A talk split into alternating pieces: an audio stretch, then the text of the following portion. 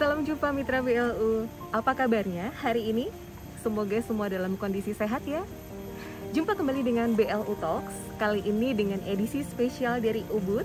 BLU Talks hari ini akan menyajikan mengenai BLU Maturity Rating. Mitra BLU sudah tahu apa itu BLU Maturity Rating? BLU merupakan instansi pemerintah yang dibentuk untuk dapat memberikan penyediaan layanan baik dalam bentuk barang dan jasa kepada masyarakat dengan tanpa mengutamakan pencarian keuntungan dan dalam melaksanakan layanannya berdasarkan prinsip efisiensi dan produktivitas.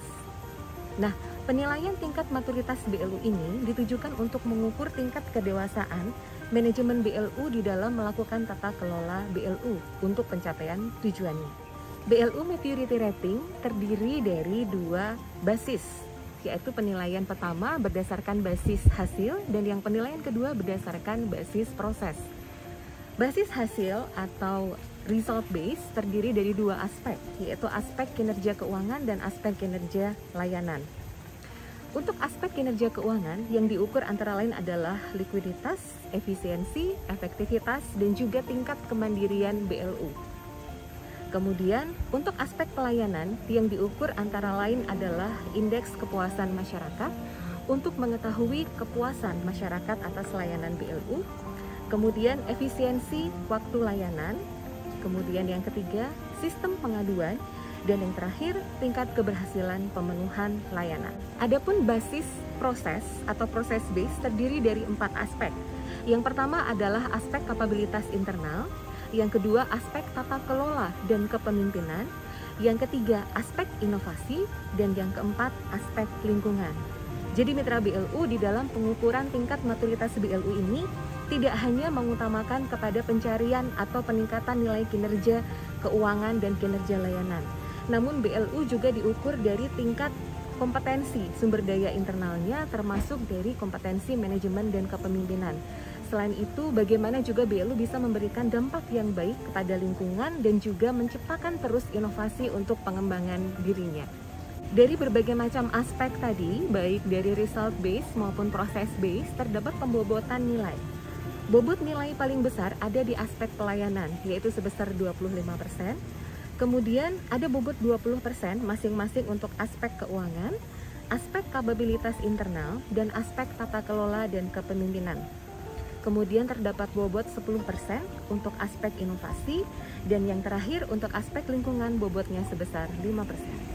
Level atau tingkat hasil penilaian maturitas ini terdapat 5 level. Level yang pertama atau level initial atau ad hoc di situ di mana BLU belum teratur di dalam menyelenggarakan tata kelolanya sehingga BLU tersebut termasuk dalam level initial atau ad hoc.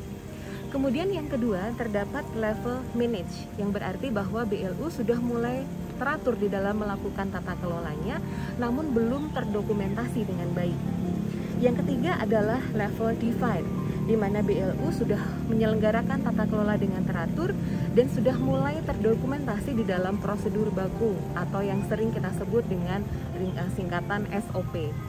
Yang keempat terdapat level predictable yaitu di mana BLU bisa mengendalikan dan memproyeksi untuk menjaga kualitas pelayanannya kepada publik, tentunya dengan tetap menyelenggarakan layanan yang teratur.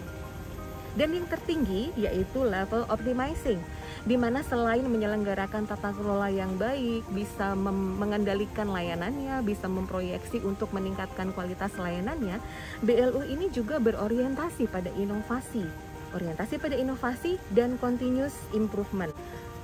BLU Maturity Rating ini akan dilaksanakan pertama kali di tahun 2022 atas kinerja atau tata kelola di tahun 2021. Dan khusus untuk tata kelola keuangan akan diselenggarakan untuk tiga tahun sebelumnya bagi yang sudah menjadi BLU pada masa tersebut. Baik, jadi mitra BLU silahkan bersiap-siap. Lengkapi semua dokumentasi dan bukti-bukti inovasi serta bukti layanan dan juga perkembangan kinerja yang ada di BLU supaya nanti siap untuk menghadapi penilaian maturitas BLU di tahun 2022 ini. Penilaian ini dapat dilakukan oleh Kementerian Keuangan dalam hal ini Ditjen Perbendaharaan yang diwakili oleh Direktorat PPK BLU atau Kanwil Ditjen Perbendaharaan maupun dapat juga dilakukan oleh penilai independen. Oke, jadi sudah siap semua kan ya mitra BLU untuk menerima penilaian tingkat maturitas BLU ini? Demikian sekilas BLU Talks mengenai BLU Maturity Rating. Saya Natalia, mewakili kru BLU Talks dari Ubud, undur diri. Sampai jumpa, mitra BLU.